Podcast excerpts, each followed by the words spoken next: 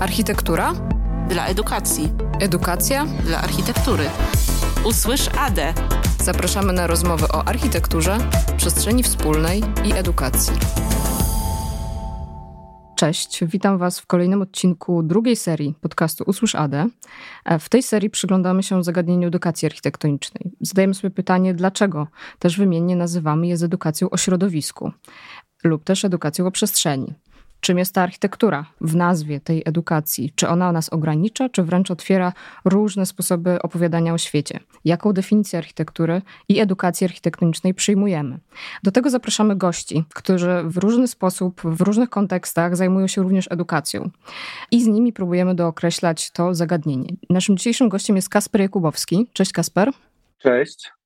Kasper jest edukatorem ekologicznym i to myślę, że będzie taki nasz punkt zaczepienia do edukacji o przestrzeni na dziś. Jest też architektem krajobrazu i popularyzatorem zagadnienia czy też pojęcia czwartej przyrody. W 2019 roku obronił doktorat na temat przyrodniczego i społecznego potencjału miejskich nieużytków i parków miejskich. Jest prezesem Fundacji Dzieci w Naturę. I to, co też wydało mi się ciekawe w jego biografii, historii i pracy, to to, że eksplorował czwartą przyrodę w Czarnobylu i opuszczonym mieście Prypeć. No właśnie, i y, zagadnienie, czy też pojęcie czwartej przyrody, to jest coś, na czym budujesz właściwie i swoją pracę, i wiele elementów tego, czym się zajmujesz, wychodzi od tej czwartej przyrody. I chciałabym dzisiaj, żebyśmy jakoś to dookreślili, czym właściwie to jest. Jest to pojęcie, które mam wrażenie coraz bardziej wchodzi do takiej dyskusji o przestrzeni też i w kontekście architektury. Tutaj może jeszcze dodam, że Kasper jest e, też jednym z autorów instalacji artystycznej przygotowanej do wystawy Antropocen, której jako Narodowy Instytut Architektury i Urbanistyki, e, którą przygotowaliśmy w tym roku w Warszawie, w pawilonie Zodiak, więc też był jednym z autorów właśnie mm, artystów, projektantów zaproszonych do stworzenia takiej wypowiedzi na temat, e, czy też spekulacji na temat miasta, przestrzeni, w kontekście takich wyzwań, z którymi dzisiaj się mierzy. No i punktem wyjścia też była czwarta przyroda. Dlaczego e, możemy mówić o czwartej przyrodzie w Czarnobylu i dlaczego możemy mówić o czwartej przyrodzie w Warszawie? Czym ona jest? Czwarta przyroda, zacznę od tego, że to nie jest ta najgorsza przyroda. To nie jest moje pojęcie. To jest pojęcie, które e, popularyzuje i opisał niemiecki profesor Ingo Kowarik, jeden z badaczy berlińskiej przyrody. Czwarta przyroda to jest przyroda, powiedzielibyśmy dzisiaj, nieużytków, to jest przyroda terenów opuszczonych przez człowieka, zaniechanych. To jest też przyroda, która rozwija się w miejscu zaburzeń w przestrzeni, e, w przestrzeniach zniszczonych w wyniku różnych działań degradujących. Te przestrzenie po prostu w wyniku często zaniechania odnawiają się w sposób spektakularny. Ja dodam, że jeżeli jest czwarta przyroda, to czym są te pozostałe? Pierwsza przyroda to jest ta, której prawie w ogóle już nie ma, to jest przyroda pierwotna. To są fragmenty Lasu Bielańskiego w Warszawie, rezerwat ścisły w Puszczy Białowieskiej, ale też nie cały. Druga przyroda to jest przyroda już zmieniona przez człowieka. Człowiek użytkował wiele przestrzeni, stworzył wiele nowych środowisk. Czyli to jest przyroda krajobrazów rolniczych, sadów, plantacji leśnych, alei, takie, które dostarczają nam konkretne zasoby. Wreszcie jest trzecia przyroda. Mam wrażenie, że to jest taka najbardziej znana i utożsamiana z tą przyrodą miasta, czyli ta taka zwana bezpieczna, urządzona zieleń miejska. To są często historyczne ogrody, ale też całkiem współczesne założenia. One mogą być mniej lub bardziej bioróżnorodne. No i jakbyśmy sobie zobaczyli, zmapowali całą zieleń, jaka w mieście jest, to te trzy pierwsze kategorie przyrody nie opisują wszystkiego, co jest zielone na mapie. I okazuje się, że ta czwarta przyroda, przyroda nieużytków, takiej ruderalności, ona nawet gdzie niegdzie dominuje w krajobrazie miasta, jest całkiem sporo. Mhm. No już w tym, jak opisywałeś czwartą przyrodę w kontekście tych innych, nie wiem, czy to można nazywać etapów rozwoju przyrody, to pierwsza, druga, trzecia, czy to są etapy? Tak, e, profesor Ingo Kowarik pokazuje, że to jest jakiś e, proces ewolucji, że ta przyroda mhm. ewoluowała wraz z nami, że myśmy też mieli ogromny wpływ na ten charakter przyrody i że ten proces nie jest domknięty, bo ta czwarta przyroda to jest taki troszeczkę eksperyment i my nie wiemy, czy ona w wyniku zaniechania upodobni się do tej pierwszej przyrody, czy to będzie też odpowiedź na zmiany klimatu. Także my już badamy i obserwujemy, jak ta czwarta przyroda się zmienia. Ale tak, to jest pewien proces, na który mieliśmy ogromny wpływ. Ale też użyłeś e, już słów bioróżnorodna i ruderalna. O ile dobrze, czy w podobnych odmianach mniej więcej, czy ruderalność, tak. więc jeszcze trudniej. I też chciałabym cię poprosić o to, żebyśmy jakoś zarysowali te pojęcia, uporządkowali je, bo mam wrażenie, że one się, y, to są kolejne pojęcia, które się coraz częściej przedzierają do różnego rodzaju komunikatów, y, takiej narracji pewnie w środowisku profesjonalistów zajmujących się przestrzenią środowiskiem, ale też nie. Do tych pojęć ja bym jeszcze dorzuciła tego słowniczka na dzisiaj. To jest na przykład y, renaturyzacja, renatura, sukcesja, gatunki pionierskie, gatunki inwazyjne, chaszcze po prostu, nieużytek też, który już użyłeś. No właśnie, rośliny ruderalne, łąka kwietna, mikrolas. Mam tu jeszcze ich kilka, ale chciałabym jakoś tak poprosić ciebie też o jakieś takie dookreślenie, ponieważ też ten podcast ma wymiar oczywiście edukacyjny, więc chcielibyśmy te pojęcia popularyzować, ale z taką e, budowaniem też takiej świadomości i zrozumienia ich. Rzeczywiście tutaj e, tych pojęć jest dużo. Często to są nowe pojęcia. One są dość dobrze zdefiniowane w literaturze angielskojęzycznej, a u nas dopiero zaczynają funkcjonować. My też uczymy się trochę języka, jak opisywać te tak zwane nieużytki. To jest pojęcie, którego ja bardzo nie lubię, bo my nie mamy dobrego pojęcia, które opisuje te tereny, które były dotychczas na marginesie naszego myślenia o przyrodzie, bo nie chcieli się nimi zajmować ani architekci, ani urbaniści, ani też przyrodnicy i biolodzy. Więc dopiero zaczynamy się poznawać potencjał tych terenów i zmieniać język właśnie dotyczący tak zwanych nieużytków. I zacznę od kilku pojęć, no to renaturyzacja, czasami się mówi renaturalizacja krajobrazu, to jest proces unaturalnienia, przywrócenia cech naturalności terenom, które były zdegradowane albo tej naturalności pozbawione. I to jest taki trend bardzo obecny, zwłaszcza w miastach zachodnioeuropejskich, gdzie odbudowuje się wiele ekosystemów, przywraca im utracone funkcje, e, wprowadza na nowo gatunki, odbetonowuje rzeki ale też na przykład nadaje parkom urządzonym bardziej naturalny charakter i ta renaturyzacja dotyczy jakichś fragmentów tych parków, na przykład odcinka rzeki, która była uregulowana w wyniku takiej renaturyzacji, zaczyna meandrować, zaczyna się odtwarzać fragmenty lasów łęgowych. I to jest proces renaturyzacji. Mi się wydaje, że to jest bardzo ważne pojęcie w XXI wieku. Jeżeli chodzi o bioróżnorodność, to bioróżnorodność jest e, takim pojęciem dobrze opisane w literaturze biologicznej. Ono opisuje bogactwo życia na Ziemi związane z ekosystemami. I ta bioróżnorodność ją się bada, opisuje na kilku poziomach. Jest ta bioróżnorodność na poziomie gatunkowym, ona oznacza bogactwo gatunków związane z danym siedliskiem. Im mniej zaburzone siedlisko, tym ta bioróżnorodność jest większa. Ale też na poziomie ekosystemów, e, krajobrazów i na poziomie genetycznym. I tam poziom genetyczny dotyczy tego, że jeżeli sobie zobaczymy gatunek, na przykład wiąz popularny nad Wisłą w Warszawie, to wiąz, który rośnie w Holandii, a wiąz, który rośnie nad Wisłą w Warszawie czy w Krakowie, mimo że wyglądają tak samo, to genetycznie są zupełnie inne, mają zupełnie inny adres. My nie możemy sobie tak nagle manipulować, że tego wiąza z Holandii nagle posadzimy nad Wisłą, bo, no bo właśnie, bo ta bioróżnorodność tak nie działa, czyli te drzewa, e, gatunki drzew, roślin, one mają też swój niepowtarzalny zestaw genów związany mm. z miejscem. I jakby przechodząc jeszcze dalej, tam jest dużo tych gatunków. Jest jeszcze ta ruderalność. Ruderalność opisuje gatunki pionierskie. To są gatunki często związane z człowiekiem. One się pojawiają najszybciej w wyniku jakichś zaburzeń, katastrof. Widzimy dosłownie, że jakiś obiekt architektoniczny przestaje być utrzymywany i przyroda nie znosi pustki, od razu pojawiają się tam gatunki. I często to są gatunki pionierzy, one są szczególnie przystosowane do tego, żeby właśnie adaptować takie elementy w wyniku jakiegoś zaniechania.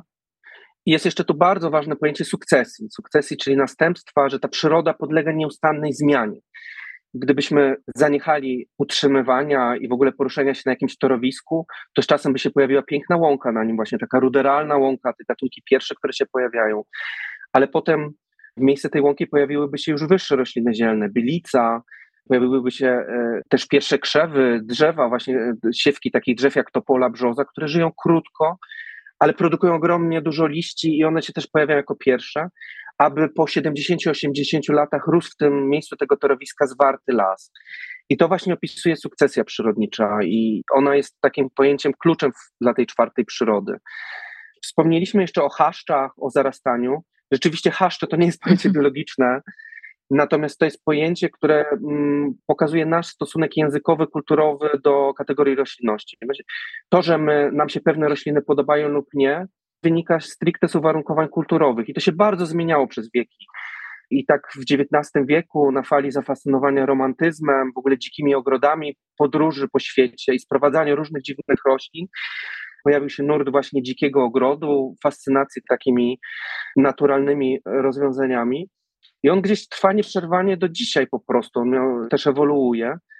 I dzisiaj chaszcze, ja w tym fascynacji chaszczami, miejskimi chwastami widzę to zafascynowanie takimi roślinami, które były spychane na margines, randapowane, usuwane z przestrzeni miejskich, z ogrodów historycznych, jako rośliny, no właśnie, nieuporządkowane, chaotyczne, pozbawione cech ozdobnych. Tymczasem te rośliny okazuje się, że najlepiej się adaptują do tego warunków zmian klimatu czy katastrofy klimatycznej miejskiej wyspy ciepła. I to są też rośliny, które świetnie uzupełniają katalog nowych architektów krajobrazu. I one mają też swoje piękno i możemy do nich sięgnąć. I właśnie ta fascynacja zarastaniem, chaszczami, miejskimi chwastami, to jest ta fascynacja tymi gatunkami dotychczas spychanymi na margines, ale które zawsze wracają, zawsze się pojawiają i dzisiaj mogą nam zaoferować też wiele korzyści, takiej też nowej estetyki. Mhm. Patrzę jeszcze na pojęcia, o których wspomnieliśmy, o tych gatunkach inwazyjnych, o tym warto też wspomnieć. No właśnie, rzeczywiście... ja może, może mhm. dopytam, bo ja tutaj mam e, Jasne. gatunki pionierskie, inwazyjne i jeszcze rodzime. I sama dla siebie tak, w sumie tak. jestem ciekawa, jaka jest, e, bo nie jest to dla mnie aż tak e, pomimo wszystko nadal czytelne, jaka jest relacja pomiędzy tymi grupami gatunków roślin. Gatunki pionierskie, tak jak wspomnieliśmy, to mogą być i rodzime, i obcy, inwazyjne, bo nie każdy obcy gatunek jest inwazyjnym, też musimy o tym pamiętać. Gatunki pionierskie to są te, które pojawiają się jako pierwsze po prostu w wyniku jakiejś katastrofy, ale w wyniku też jakiegoś zaniechania w też mhm. terenach pozbawionych gleby, zniszczonych jak nieczynne kamieniołomy, czy właśnie torowiska, ale też opuszczone parkingi. W każdych spękaniach pojawiają się właśnie gatunki pionierskie. Te pierwsze, które budują też środowisko, siedlisko dla tych gatunków bardziej zaawansowanych, które wymagają już większej ilości gleby. I to są gatunki pionierskie. Gatunki rodzime to są gatunki, które ewoluowały tutaj w tych siedliskach, które mamy w Polsce przez setki, tysiące lat, mniej więcej od ostatniego zlodowacenia. To są gatunki, które są kojarzone z polskim krajobrazem, ale bardzo różnymi, też bardzo różnorodnym, bo to są gatunki, które rosną po prostu w konkretnych ekosystemach, w bardzo różnych siedliskach.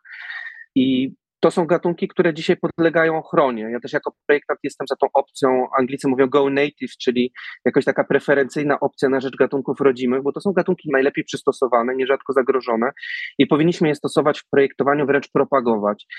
Co ciekawe, brakuje w szkółkach ogrodniczych, producenci i konsumenci tego, co tam jest produkowane, są zafascynowani tymi egzotami, dziwactwami zagranicy i tam gatunki rodzime to jest taka mniejszość po prostu. A jakie by to były? E, jakie to są? Gatunki rodzime, to mówimy o drzewach, e, mhm. to są gatunki związane z różnymi typami siedliskowymi lasu. Jeżeli pójdziemy sobie nad Wisłę w Warszawie, może tak najprościej, to takimi rodzimymi gatunkami będą wierzby. Mamy 25 gatunków wierzb rodzimych, one mogą się krzyżować. Mamy też rodzime topole, topole białą, topole szarą, moją ulubioną sikę. Spotkamy tam wiąza szypułkowego, zobaczymy czereśnię ptasią, Zobaczymy dęby, które sójki wysiały. Mamy dęba bezszypułkowego, szypułkowego. Bardzo dużą listę gatunków rodzimych e, drzew. Tymczasem jak pójdziemy do ogrodów e, w jednej z wielu takich e, dzielnic wilowych w Warszawie, to tam właściwie ich nie ma, tych drzew rodzimych. Tylko są egzoty po prostu. No i wreszcie jest ta grupa gatunków inwazyjnych. Ona jest najbardziej kontrowersyjna. Ja też wspomnę tutaj, bo często mi się to zarzuca, że propaguję czwartą przyrodę, jakby akceptuję te gatunki inwazyjne, które na nie rosną. Ja powiem, że to nie da się tak prosto zrobić, że czwarta przyroda równa się akceptacja tych gatunków inwazyjnych. Natomiast ja mam do nich stosunek taki ambiwalentny, niejednoznaczny. To znaczy, z jednej strony ja dostrzegam, jakie są zagrożenia, na przykład e, rdestu ostrokończystego, który jak się pojawia nad rzekami, to praktycznie jest nie do usunięcia. I w Wielkiej Brytanii na przykład, jeżeli mamy w ogrodzie takiego, taki rdest ostrokończysty, to praktycznie nie sposób sprzedać tej działki. Bardzo spada też cena nieruchomości, na której rośnie, bo tak trudno go wyeliminować. Czy ta nawłoć kanadyjska późna, która się pojawia. Z drugiej strony to są gatunki, które odpowiadają na te zaburzenia, które mamy w środowisku, na zaburzenia klimatyczne, ocieplanie się klimatu, na niszczenie gleby. I okazuje się, że te gatunki inwazyjne, one sobie doskonale rodzą w tych warunkach zaburzonych, w, tych, w tym krajobrazie miasta, też w architekturze. I trudno im się dziwić, a wręcz patrząc z takim szacunkiem, z jaką siłą one potrafią wyrastać w tych najbardziej niesprzyjających warunkach. I też może jest to bardzo kontrowersyjne, co powiem e, tutaj dla wielu przyrodników w Polsce, ale te gatunki inwazyjne w perspektywie no, tych najbliższych dekad, stulecia mogą być dla nas szansą po prostu na to, że w tych miastach czy w tych lasach tutaj polskich cokolwiek będzie chciało rosnąć, bo jak pokazują niektóre scenariusze naukowców, to czeka nas realny scenariusz e, pustynnienia wielu terenów i lasy w tym najgorszym scenariuszu mogą w Polsce przestać rosnąć i pojawią się jakieś makiopodobne, krzaczopodobne zbiorowiska, ale nie lasy. I być może taki bożodrzew, który rośnie w szczelinach warszawskich chodników, on będzie taką szansą, że będzie mógł rosnąć w lasach, gdzie te gatunki rodzime dębów, sosny pospolitej, lipy nie będą chciały rosnąć. Jeszcze tutaj dodam, że rzeczywiście patrzyłem w Warszawie nawet przy okazji antropocenu, że w lipcu była tak ogromna susza, że te nasze rodzime dęby czy lipy to w lipcu, w sierpniu wyglądały tak jak w końcówce października. Tymczasem zobaczyłem bożodrzew rosnący na Żoliborzu przy jednej z kamienic, który po prostu wyglądał niesamowicie witalny, zdrowy, o błyszczących liściach. I to pokazuje taką niejednoznaczne moje podejście do tego ekosystemu, że rzeczywiście w tak bardziej naturalnych ekosystemach, obszarach Natura 2000, gdzie chcemy chronić krajobrazy z przeszłości, takie typowe dla tych rzek, modelowe, to tam gatunki inwazyjne są ogromnym zagrożeniem. Natomiast w wielu terenach takich poprzemysłowych nieużytkach może warto powstrzymywać się z interwencją i obserwować, w jakim kierunku ta sukcesja w tak zaburzonych terenach idzie. Mówię, to nie jest to jest to bardzo kontrowersyjne dla wielu przyrodników, którzy potrafią się obrazić na coś takiego. Ja takie tereny widzę w Berlinie, gdzie rzeczywiście zaniechano już praktycznie od II wojny ingerowania wiele terenów i akceptuje się nawet te gatunki inwazyjne i tą sukcesję i po prostu bada, obserwuje, tam w Berlinie jest trzecie pokolenie badaczy, tych ekologów miejskich, które bada tę tą czwartą przyrodę, tą sukcesję roślinności na, w okresie powojennym Berlina. I to jest bardzo ciekawy proces. Dla mnie ważna jest różnorodność. Będziemy mieć przestrzenie, gdzie będziemy szukali środków, usuwali te gatunki w sposób bezwzględny, ale może warto na zasadzie eksperymentów w tych najbardziej zaburzonych siedliskach oddać to pole dla tych gatunków inwazyjnych. Strasznie się rozgadałem, ale mówię, to jest bardzo niełatwy temat. Mhm. I, I ta inwazyjność tych gatunków to jest też odpowiedź na nasze zmiany w środowisku kulturowym. No właśnie to chciałam powiedzieć, że chyba ta inwazyjność powinna być, z tego co mówisz i z tej interpretacji, którą też proponujesz, powinna być różnie rozpatrywana w zależności od etapu tej przyrody, o której mówimy, tak? Że to, co jest inwazyjne na tym pierwszym, drugim etapie, niekoniecznie musi być inwazyjne na czwartym, jeżeli uznajemy tę czwartą przyrodę właśnie jako czwarty etap pewnego rodzaju przekształceń na styku środowiska i działalności człowieka, tak? Bo tak bym to widziała, że mm, że ta inwazyjność jest po prostu odpowiedzią przyrody na, na to, co się dzieje dookoła, tak? Może jakimś mechanizmem obronnym wręcz, tak? Dokładnie tak. Mhm. Ale też e, już e, raz się przyznałeś. Ja, ja raz powiedziałam, że jesteś architektem krajobrazu i sam się też raz już przyznałeś, że jesteś projektantem. Jak e, właśnie używam nawet tego określenia architekt krajobrazu, to też się zastanawiam, ponieważ no, ja nie jestem architektem krajobrazu, ale wprawdzie skończyłam architekturę i zastanawiam się, czy ty jako projektant, jak się czujesz z byciem architektem krajobrazu? Czy ta architektura jest w ogóle potrzebna tobie jako projektantowi do krajobrazu i w jaki sposób też to mm, tą swoją myśl, to swoje podejście czy zafascynowanie czwartą przyrodą przekładasz na decyzje projektowe? Bardzo trudne pytanie, ponieważ jeszcze pięć lat temu, jakby na dwa lata porzuciłem całkowicie projektowanie i przestałem wierzyć w architekturę krajobrazu bo rzeczywiście miałem wrażenie, tak jak to powtarza często Wojciech Januszczyk z Fundacji Krajobrazy, że ta architektura krajobrazu nie przyczynia się do naprawy, y, nie chce szukać rozwiązań wobec tych wyzwań klimatyczno-ekologiczno-społecznych, które mamy, tylko jest e, ściśle w tym procesie destrukcji, który widzimy dookoła siebie. I architekci krajobrazu, architektki krajobrazu są zapraszani właściwie na samym końcu, jako ta kropka nad i, gdzie mają tylko posadzić roślinki, żeby było ładnie, a tak naprawdę to już jest za późno. Natomiast e, muszę Ci powiedzieć, że teraz widzę ogromny proces zmiany i zmienia się coś po prostu na naszych oczach i widzę, że studenci, studentki e, tego kierunku na wielu uczelniach zaczynają się uczyć o bioróżnorodności, zaczynają się pojawiać też nowe rozwiązania konkretne właśnie w kierunku projektowania ekosystemowego. To nie jest jeszcze jakiś masowy nurt, ale to mi się wydaje, że to jest bardzo dobry trend. To jest bardzo dobry trend i to się dzieje na naszych oczach.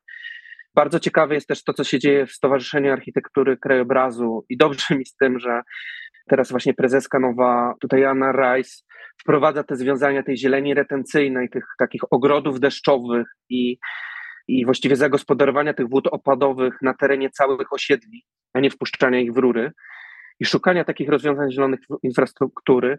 I to daje ogromną nadzieję. I mi się wydaje, że też zmienia też podejście architektów. Ja muszę powiedzieć, że w moich doświadczeń kilkuletnich teraz, w powrocie znowu do projektowania, ja widzę ogromną zmianę w części architektów, którzy po prostu jakby są sprzymierzeńcami tego, chcą projektować trochę inaczej i szukają tych rozwiązań właśnie, że zieleń ma być nie tylko dekorum, nie tylko jakąś ozdobą inwestycji, ale to musi się już coś więcej i, i to jest świetne. Czy mi się udaje wprowadzać te rozwiązania czwartej przyrody? I tak i nie. Najciekawsze dla mnie projekty są takie, gdzie ja nie tylko projektuję, ale też animuję pewne działania, na przykład z lokalną społecznością. Natomiast miałem też kilka rozczarowujących przykładów, gdzie zostałem zaproszony do projektu właśnie jako ekspert od czwartej przyrody, a po kilku latach po prostu ta inwestycja no niczym się nie różni od innych osiedli i generalnie wycina się wszystko i trzeba wprowadzać setki tak zwanych nasadzeń zamiennych, które z tą czwartą przyrodą nic wspólnego nie mają i po prostu jest to normalna deweloperka. I w jakiś sposób to jest też smutne. Z takich dobrych przykładów, które miałem, to na pewno no, osiedle Nowy Strzeszyn z pracownią Insomnia w Poznaniu, dzięki świadomości tych architektów udało nam się zachować dużą część drzew, a to były samosiejki brzus, czyli właśnie czwarta przyroda, i wkomponować, zaadaptować to do tego osiedla i zaprojektować tak zieleń, aby była tą trzecią przyrodą, urządzoną, posadzoną, ale dawała klimat tej czwartej przyrody. I chyba nam się to udało, bo nawet jeżeli, jak teraz widzę, e, jak rosną, pojawiają się tam rośliny dziko rosnące, to wyglądają tak, jakby były zaprojektowane. No i to znaczy, że to się udało. I to są projekty, w których najbardziej lubię uczestniczyć. No chyba tak z tyle, jeżeli chodzi o projektowanie tej architektury krajobrazu. A widzisz, a jeszcze bym dopytała może o konkret, taki... Mhm, mm, jasne. Czy czwartą przyrodę można projektować w ogóle? Czy raczej się stwarza pewne warunki, adaptuje już to, co jest? Wydaje mi się, że to może to nawet jest pewien oksymoron, ale jeżeli tak jest, to chciałabym, żebyś ty to powiedział jako projektant. E, mhm. Czy to jest bardziej projektowanie architektury krajobrazu, czy w ogóle można projektować czwartą przyrodę? Tak, tak. Dzięki za to pytanie. Ja tu widzę takie trzy jakby aspekty. Jedna rzecz to jest takie czułe spojrzenie na samosiejki i do tego bym zachęcał w ogóle projektantów, że często najbardziej logicznym rozwiązaniem jest po prostu akceptacja i ochrona za wszelką cenę tego, co już wyrosło samo na terenie inwestycji. I to wkomponowanie tego, tych grup samosiejek, tych grup zieleni istniejącej w tą nową zieleń, jest już zadaniem projektowym i ono może być bardzo twórczo rozwiązane. Druga rzecz jest taka, że brak projektowania może być świadomym rozwiązaniem projektowym i możemy tworzyć dzięki temu super rozwiązania, po prostu powstrzymywać się od projektowania na części terenów albo strefować tak te nasze projekty zieleni, projekty architektury krajobrazu, tak żeby były strefy takie, gdzie to projektowanie byłoby jak najmniejsze, a wtedy oddajemy te stery natury. I to projektowanie też zakłada większe takie jakby wrażliwość na procesy. Ja mam wrażenie, że tych procesów jest ciągle mało na uczelniach, że my chcemy projektować zieleń, projektować jakieś widoki, tak żeby potem je utrzymywać za pomocą takich dość wysoko nakładowej pielęgnacji, po prostu utrzymywać tak, jak to jest, żeby była zgodna z naszą wizją, tak żeby urządzić te wnętrza takie urbanistyczne. Tymczasem my, my możemy projektować tak, żeby ta przyroda potem wypełniała to zgodnie ze swoją logiką i dynamiką się zmieniała. Jeszcze jest wreszcie ten trzeci aspekt tego inspirowania się estetyką właśnie czwartej przyrody, estetyką nieużytków, tych biotopów ruderalnych, po prostu w projektowaniu. Ja to widziałem w Berlinie, gdzie my możemy jakby czerpać gatunki, rozwiązania, połączenia i stosować te rozwiązania w projektach zieleni. I ma to też uzasadnienie estetyczne, bo to są nowe rozwiązania, ciekawe, ale stosując na przykład gatunki ruderalne w cyklu życiowym dwuletnim, my możemy bardzo obniżać koszty inwestycji utrzymania. To są gatunki po prostu ekstremalnie odporne na miejską wyspę ciepła. To są gatunki, których nie trzeba nawadniać i tak jak mówi centrala, to nie są gatunki na ojomie, gdzie wysiada prąd, tracimy wodę do podlewania i obumiera nam pięknie zaprojektowana zieleń. I tak naprawdę to jest wyzwanie dla projektantów, aby tej ruderalności nadawać nową estetykę, łączyć to, co urządzone, nieurządzone, to, co zadbane i zadbane mniej, tą zieleń formalną, ładną, w cudzysłowie z tą zielenią nieformalną, właśnie z tą ruderalną. Nie?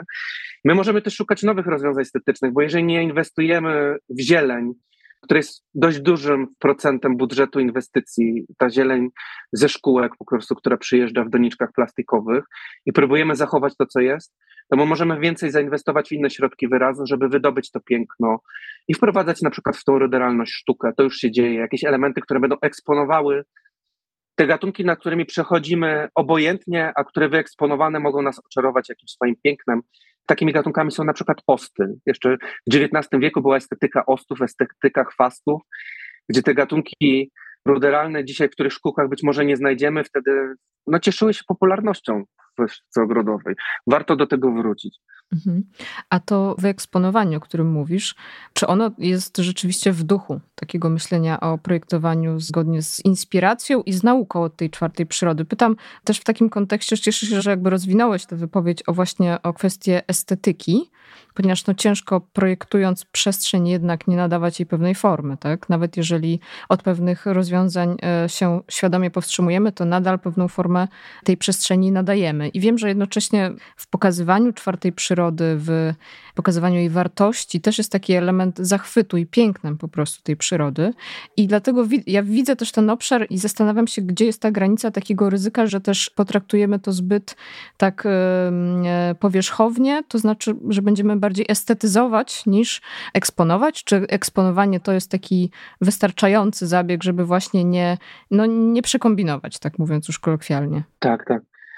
Ja myślę, że w Polsce ta pokusa właśnie takiej Disneylandyzacji, takiego dodawania za wszelką cenę jakichś form, żeby uzyskać jakąś nową jakość, jest ogromna. Ja myślę, że tutaj warto inspirować się tymi dobrymi przykładami za granicą, które opisuję w tym e-booku Czwartej Przyrodzie.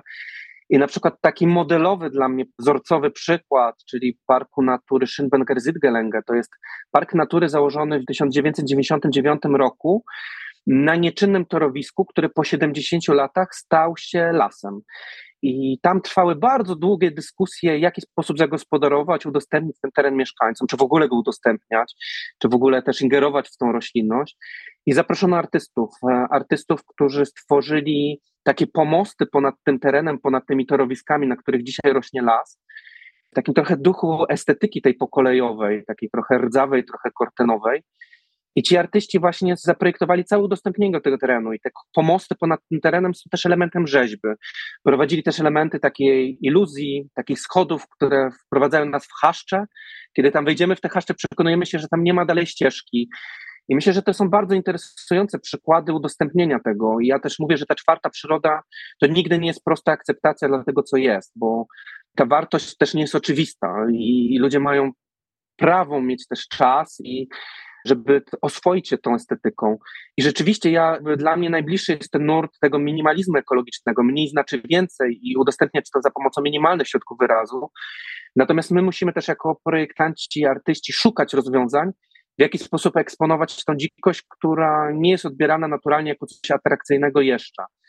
I jedną rzecz to jest właśnie sztuka, druga rzecz to są takie działania miękkie, bym powiedział, to są działania pasjonatów tych miejskich chwastów, którzy mogą nam przybliżyć je i to są spacery, to są to właśnie ta edukacja ekologiczna, a jeszcze trzecie to są w ogóle nowe rozwiązania parków, bo my w Polsce bardzo wąsko pojmujemy parki i cierpią na tym nieużytki i chaszcze. Zwykle w Polsce te tereny właśnie takie cenne, zarastające, one w wyniku rewitalizacji zaczynają być taką trzecią przyrodą. W wydaniu lat 90. po prostu z taką pseudoarchitekturą krajobrazu, która już no, na nikim nie robi wrażenia, taka jest prawda. I tak naprawdę straciliśmy te tereny i tą roślinność, która, która po prostu sama na nich wyrosła. Więc wydaje mi się, że tutaj jakby ta ingerencja jest jak najbardziej w duchu czwartej przyrody i też e, niemieckie miasta, w tym Berlin, gdzie ta koncepcja czwartej przyrody jakby rozwinęła się i powstała, pokazują, że, że właśnie tam są bardzo różne też podejścia do tego i nie zawsze one są takie w 100% zachowawcze. Ważna jest tutaj też działalność takiego artysty Luisa Van Bergera, który właśnie jakby prowokował tą ruderalnością, czwartą przyrodą, potrafił wyciągnąć po prostu nawierzchnię z zabytkowych centrów europejskich miast zamykać to w klatce, w kratownicy i zostawiać na kilka lat, pokazywać jak ta sukcesja roślinności, jak szybko przebiega i, i właśnie prowokować, bo robił to często w estetyce, w takich historycznych założeń urbanistycznych, strzeżonych przez konserwatora, nagle wprowadzał przestrzeń, która zaczyna dziczyć sama. Albo wyłączał dworzec, e, nie sam dworzec, ale jeden peron z dworca kolejowego i po prostu pokazywał, jaka roślinność tam adaptuje, zawleczona też po prostu przez kolej, czy wraz z ludźmi z bagażami. Po prostu robił się taki po prostu piękny ogród na peronie. Więc wprowadzanie tej czwartej przyrody świadomie w takie przestrzenie nieuczowiste, urządzone, myślę, że pozwala też nam oswoić, ale bez opowiedzenia, bez nowej narracji to nie jest zrozumiała rzecz. Mhm. Dla mieszkańców. No właśnie, bo jedna czwarta przyroda w kontekście y, kształtowania przestrzeni, projektowania, a drugie też to, y, myślę, wokół czego dzisiaj się też spotykamy, czyli wokół edukacji. Trochę powiedziałeś o tym, że cenisz sobie takie procesy, które zawierają element animacji ze społecznością i zakładam, że tam element edukacji też zachodzi. I nawet przed chwilą też użyłeś pojęcia edukacja ekologiczna. No i właśnie pytanie, w jaki sposób y, ta edukacja, którą ty też się zajmujesz, w jakiej ona przybiera formę, jakie metody są ci bliskie i w jaki sposób z twojego punktu widzenia e, wpisuje się ta edukacja ekologiczna, przyrodnicza, środowiskowa, o ile dla ciebie to są wymienne pojęcia, to może nam zaraz wyjdzie. W jaki sposób to się wpisuje w edukację szerzej o przestrzeni, o środowisku zbudowanym, no i zarówno w tym wymiarze takim formalnym, jak i nieformalnym, bo my też tutaj no, mówimy o edukacji architektonicznej, chociaż ja wolę właśnie to, bardziej wolę określenie edukacja przestrzeni. Dla mnie ta architektura jest jednak dosyć zawężająca, więc y, my mówimy o tej edukacji o przestrzeni zarówno w wymiarze takim powszechnym, systemowym, jak i nieformalnym. No i właśnie pytanie jest o to, jak ty definiujesz to, co robisz, jakimi metodami i jak to dla ciebie w ogóle się zawiera w tym szerszym takim zbiorze edukacji o środowisku zbudowanym. Ja myślę, że u mnie to jest tak, że edukacja wyniknęła wprost e, z pracy doktorskiej, którą się zajmowałem, czyli właśnie z tej czwartej przyrody. Ja też wiele lat pracowałem w Komisji Dialogu Obywatelskiego do spraw środowiska w Krakowie, gdzie edukacja pojawiała się bardzo często, natomiast stosunkowo było mało organizacji osób, które się nią zajmowało w takiej dużej skali. I to też mnie skłoniło, żeby zacząć to robić w Krakowie w 2017, a wspólnie budować to już z zespołem edukatorów, edukatorek, no, których zaprosiłem do tego projektu Dzieci w Naturę i już od tego momentu budowaliśmy go razem. I ja na przykład, jeżeli chodzi o podejście, to ja zainspirowałem się bardzo Londynem i rzeczywiście w ramach pracy prowadziłem w Londynie badania, gdzie badałem, jak Londyńczycy adaptują swoje nieużytki i tą czwartą przyrodę Londynu. On, to są często tereny renaturyzowane, oni odbudowują zniszczone fragmenty ekosystemów na terenach poprzemysłowych typu brownfields i odbudowują to środowisko w takim odwzorowaniu do takich naturalnych siedlisk brytyjskich, no poza miastami. I to jest niezwykłe, bo wygląda to często tak, że jest osiedle, a przy tym osiedlu jest właśnie taki park ekologiczny, czy park edukacyjny, czy park naturalny, różnie on się nazywa. I w tym parku są odtworzone właśnie różne siedliska, siedlisko podmokłe, łąkowe, bagno, las łęgowy, no właściwie przy tym osiedlu. I jest mhm. świetnie udostępnione do zwiedzania. Przy okazji są tam organizacje, które po prostu robią to w praktyce, taką edukację. I wydaje mi się, że właśnie ta edukacja przez zrozumienie problemu, to learning by doing, przez zaangażowanie mieszkańców, przez takie aktywizowanie mieszkańców wokół działania na rzecz lokalnej przyrody i w ogóle to pojęcie lokalnej przyrody, nature nearby to Anglicy mówią, mm, no to jest coś, co jest mi strasznie bliskie i na tym właściwie buduję jakby tą moją działalność edukacyjną Fundacji Dzieci w Natura i też zarażam innych i już budujemy to już od razem w ramach Dzieci w Naturę. I wydaje mi się, że ma to ogromne działanie. Stąd e, edukacja nasza to jest edukacja właśnie w tej miejskiej dziczy, w tych miejskich ekosystemach, zarówno terenach cennych przyrodniczo, które powinny podlegać ochronie, tej biernej i tej czynnej, mm.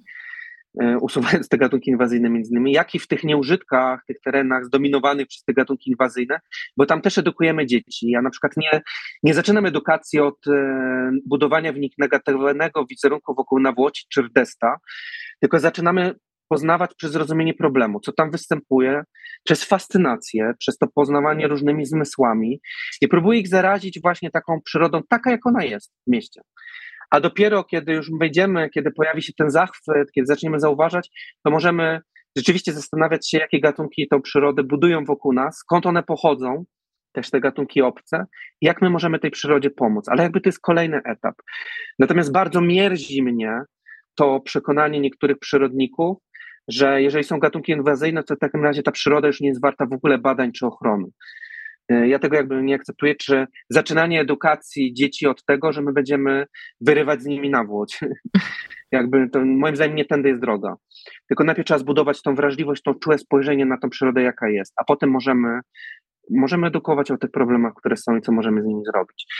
Jeszcze tak by powiem Ci na koniec, że e, tego tutaj odpowiedzi na Twoje pytania, że też bardzo ważne jest to właśnie działanie przez rozwiązywanie konkretnych problemów. To już nie może być edukacja tylko w jakichś terenach ceny przyrodnicze, ale my musimy szukać tych terenów wokół siebie, chronić, zabezpieczać i udostępniać nie jako właśnie parczki urządzone skwery, albo jako lokalne mokradła na osiedlu, jako te e, laboratoria takiej lokalnej, dzielnicowej natury, gdzie będziemy zostawiali martwe drewno, będziemy wykopywali zbiorniki dla płazów, będziemy sadzili rodzime gatunki i włączymy w to mieszkańców.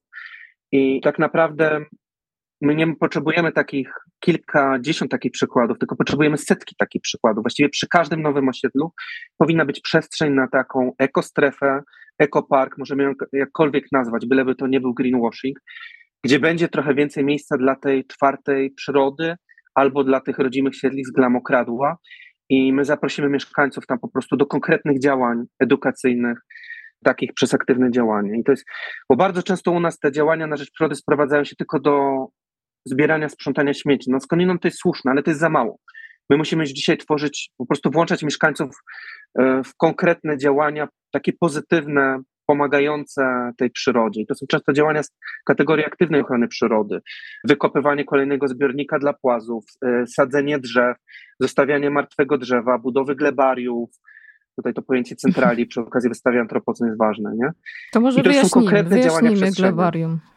Tak, to jest pojęcie, które wprowadziła centrala przy okazji wystawy antropocen i też Gosia Kucewicz tutaj mówiła wielokrotnie o tym. Ja tylko mogę cytując ją powiedzieć, że glebaria to są takie stworzone fragmenty przestrzeni, gdzie my po prostu nie grabimy, a wręcz przywozimy liście sokolecznych terenów, gdzie się grabi, gałęzie, jakieś owoce, ziemię, która miała być dziś wywieziona i po prostu zostawiamy to do naturalnego kompostowania, do takiego naturalnego recyklingu, przy okazji tworząc cenne siedlisko i poznając po prostu te procesy, które gdzieś wypychamy poza miasto, ładując liście jesienne do plastikowych worków, a my tutaj tworzymy taki fragment, strefę, czasami rodzaj mebla, gdzie my te procesy możemy jakby oswoić wokół nas i kompostowania, tworzenia gleby i po prostu tworzyć tam ziemię liściową, i to jest bardzo ważne. Takim glebarium to może być fragment wydzielonego lasu też na osiedlu, gdzie będziemy wszystkie wygrabione liście tam, gdzie się grabi, po prostu ładować do tego lasu i zobaczyć, jak to się kompostuje, a kompostuje się świetnie. Czyli takie glebarium to jest też budowanie gleby, budowanie retencji i budowanie tej bioróżnorodności, bo okazuje się, że w tej warstwie próchnicy, która jest, możemy zatrzymać ogromną ilość wody i też możemy zwiększać bioróżnorodność tych cennych, pożytecznych owadów. Tam często są jeże, pojawiają się ptaki i pojawiają się też owady, których, które są bardzo dzisiaj pożyteczne i one potrzebują tej gleby. A jak grabimy i kosimy trawę na dwa centymetry, to tej gleby nie ma, ona nam znika, eroduje.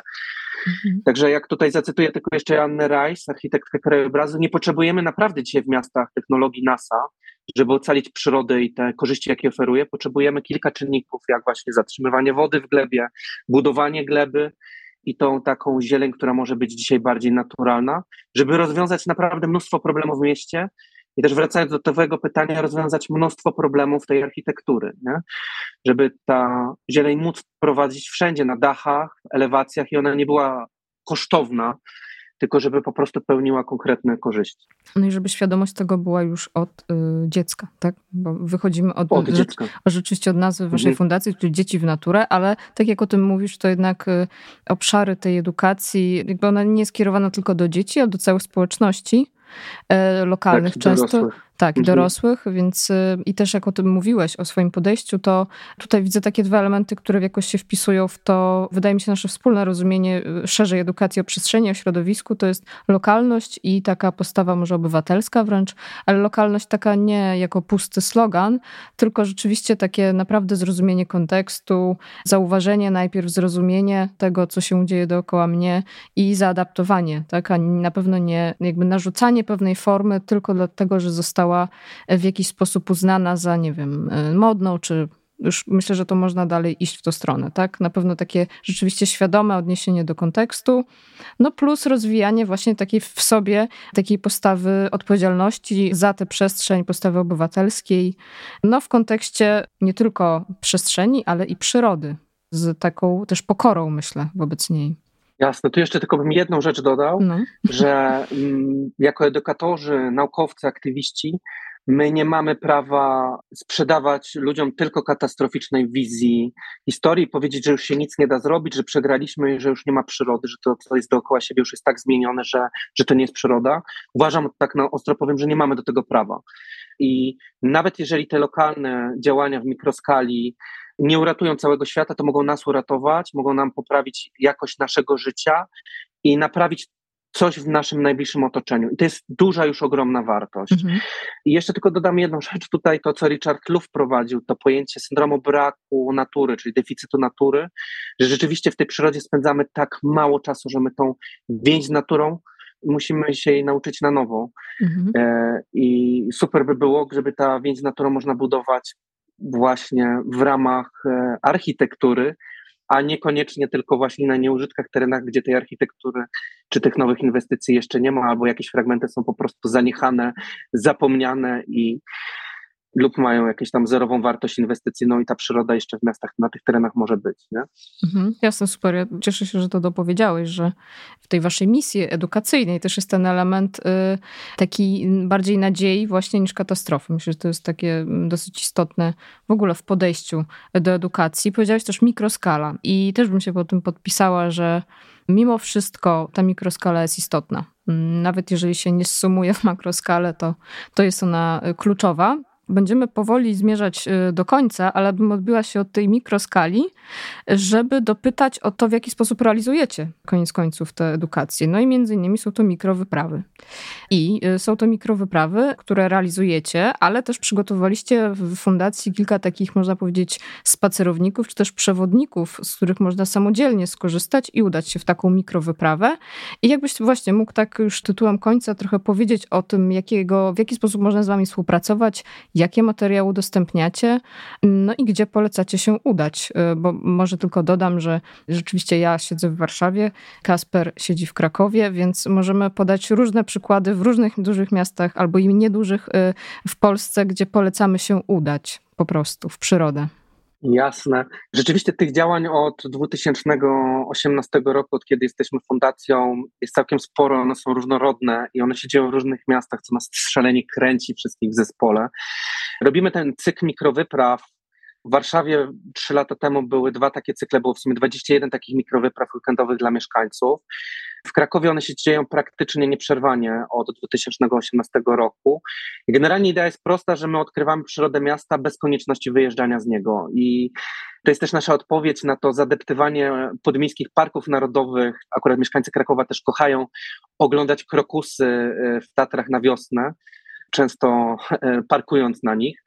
Tymczasem chcieliśmy pokazać, że w samym Krakowie jest prawie 30 terenów, często zagrożonych w ogóle, które są świetną propozycją na takie weekendowe mikrowyprawy, ale też zajęcia edukacyjne w szkołach czy przedszkolach.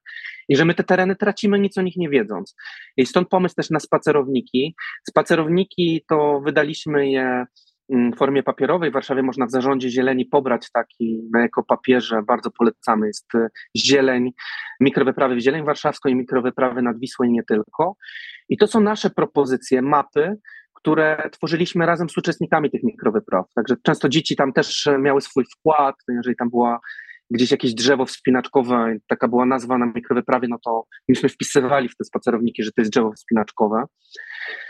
I tam są takie też tematy, poruszaliśmy miejskie, poruszaliśmy takie tematy lokalne, jak Skarpa Warszawska, i tam były zarówno parki, te tereny urządzone. Okazuje się, że w Warszawie nawet te parki też mają swoje dzikie fragmenty, bardzo ciekawe. Jak jest to park w jakiejś części jest użytkiem ekologicznym, jak i przecudowne tereny nad Wisłą. To jest absolutny unikat w skali nie tylko Europy, ale świata, warszawska Wisła. Mhm. I o tym też pisaliśmy po prostu w spacerownikach. W Krakowie wydaliśmy, no jak, a jakże chodźże na pole. I dajemy, myślę, że to też jest fajna oferta dla tych osób, które przyjeżdżają do Krakowa, już mają dosyć tylko tej standardowego zwiedzania zabytkami Wawel, Rynek, Kazimierz, może Podgórze ostatnio, a chciałby zobaczyć też ten dziki Kraków, zielony Kraków, to bardzo polecamy. Oprócz tego w fundacji robimy zajęcia zielonej godziny dla szkół i przedszkoli, odbywają się przez cały rok, głównie w Krakowie i w okolicy. W zeszłym roku też e, współpracujemy z różnymi partnerami i udało nam się posadzić pierwsze lasy kieszonkowe w Poznaniu. Także zaczęliśmy działania w Poznaniu. Z mieszkańcami zaprosiliśmy mieszkańców Poznania do posadzenia takich dzikich zagajników, takich gajów bioróżnorodności między blokowiskami. To była fantastyczna akcja. Udało nam się też zachęcić dewelopera, także wyszliśmy trochę poza tych bańki takich czystych aktywistów no i ogromna energia społeczna. Także takie działania też bardzo lubimy i przy tych lasach kiesznikowych też i przede wszystkim animowaniu sadzenia i tej mhm. edukacji wokół tego to bardzo chętnie uczestniczymy.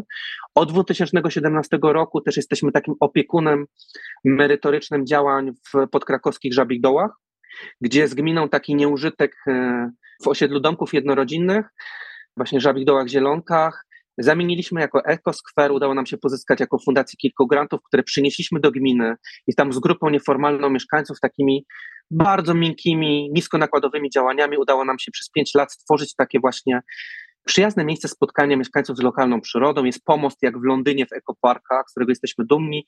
Są tablice, zostawiamy, jest straż kosfera, część kosimy, część nie kosimy i powstał taki nie plac zabaw, jak to Ania Komorowska mówiła, jeden z najciekawszych tutaj w tej części Polski.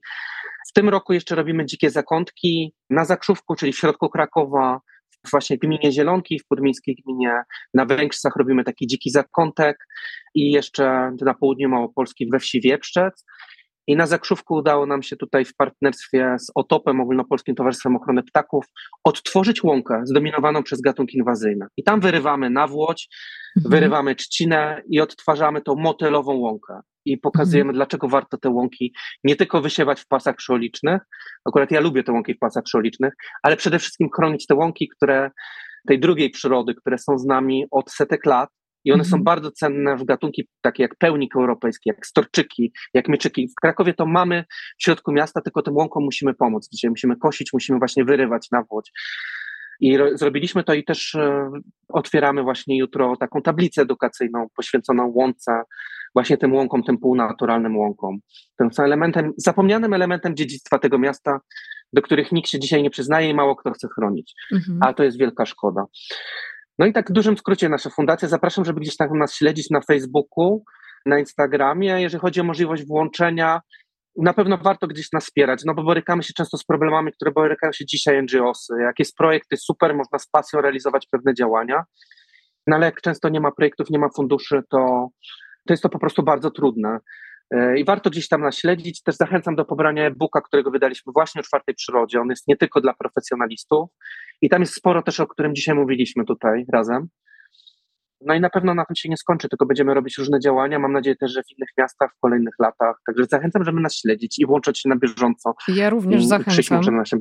na. Tak jak słyszeliście, e, tych form, projektów, które dotychczas już zrealizowała Fundacja jest bardzo dużo i rzeczywiście możliwości włączenia się jest dużo. Ja również zachęcam do śledzenia, no i do włączania się, bo my nagrywamy w grudniu. Może to jeszcze doprecyzuję, pada śnieg, e, przynajmniej u mnie, zakładam, że u ciebie też pada śnieg. No jest, jest 40 centymetrów metrów teraz. A no właśnie, jest bardzo zimowo. E, będziemy to wprawdzie publikować w przyszłym roku, ale może już tak tytułem e, końca. Mówiliśmy trochę o Warszawie, o Krakowie. Może jest jakieś miejsce, które akurat nie jest w tych dwóch y, dużych miastach, które warto się udać, y, żeby poeksplorować, podoświadczać czwartą przyrodę, albo może tym razem inną, ale w takiej zimowej aurze. Jakieś jedno miejsce które mógłbyś polecić? Ja myślę, że jest super. Jeżeli mogę taką zachętę tutaj dać, zaraz polecę miejsce, mhm. to właśnie wczoraj robiliśmy rekonesans z Anią Warzyńską e, z naszej Fundacji Dzieci w Naturę.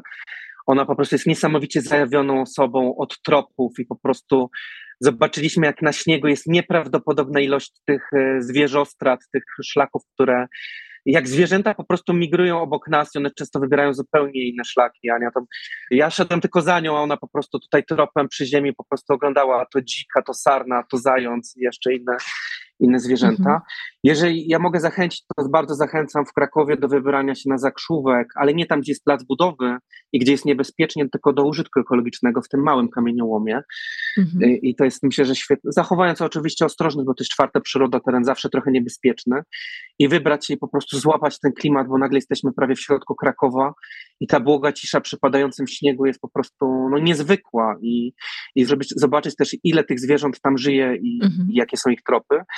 W Warszawie dla mnie takim odkryciem ostatnio to jest Gucingaj i myślę, że to jest też nieprawdopodobny teren, takie dawne założenie, drzewa świadkowie, drzewa owocowe, tam jest i rezerwat, i fragmenty nieużytków, i takich warszawskich mokradeł, jakichś takich torfowisk, takich też przestrzeni otwartych po prostu, bo tego miastach często nam brakuje, że nie widzimy horyzontu. Jesteśmy przytłoczeni tymi blokowiskami, tą krótką perspektywą i każdy teren otwarty jest na wagę złota. Zresztą jeden z krakowskich e, to mistrzów architektury krajobrazu mówi, że ludzie lubią się gapić i lubią rozległe przestrzenie, więc Gucingaj to jest taki teren, gdzie nie musimy wyjeżdżać z Warszawy i możemy mieć takie rozległe widoki, łąki, taką biebrzę. No i drugie miejsce w Warszawie, które bym bardzo polecił, to jest Zakole Wawerskie, czyli warszawska Biebrza, Mokradła. Tylko trzeba uważać, żebyście tam po prostu nie mhm. wpaść, e, bo bagno wciąga. Mhm. Wciąga, bo jest interesującym przyciskiem, ale czasem wciąga też dosłownie. Tak, bardzo mi się spodobały zwierzostrady, więc y, polecamy śledzić, y, tropić i obserwować zwierzostrady właśnie na śniegu. Bardzo Ci dziękuję, Kasper, za podzielenie się swoją też misją, swoją pracą oraz wszystkie możliwe takie definicyjne meandry tej rozmowy, czyli tam, gdzie próbowałeś nam rzeczywiście wytłumaczyć, o co dokładnie chodzi. Dziękuję bardzo za rozmowę. Ja Ci też dziękuję, dziękuję Ci za pytania i dziękuję Ci za te cenne uzupełnienia też właśnie w kontekście tej edukacji architektonicznej i tego, jak Ty tą czwartą przyrodę dostrzegasz jej potencjał. Także wielkie dzięki. Dzięki. A rozmawiała Marta Baranowska, Dział Edukacji Narodowy Instytut Architektury i Urbanistyki. Zapraszamy do słuchania też innych odcinków. Dzięki. Architektura dla edukacji. Edukacja dla architektury. Usłysz AD. Zapraszamy na rozmowy o architekturze, przestrzeni wspólnej i edukacji.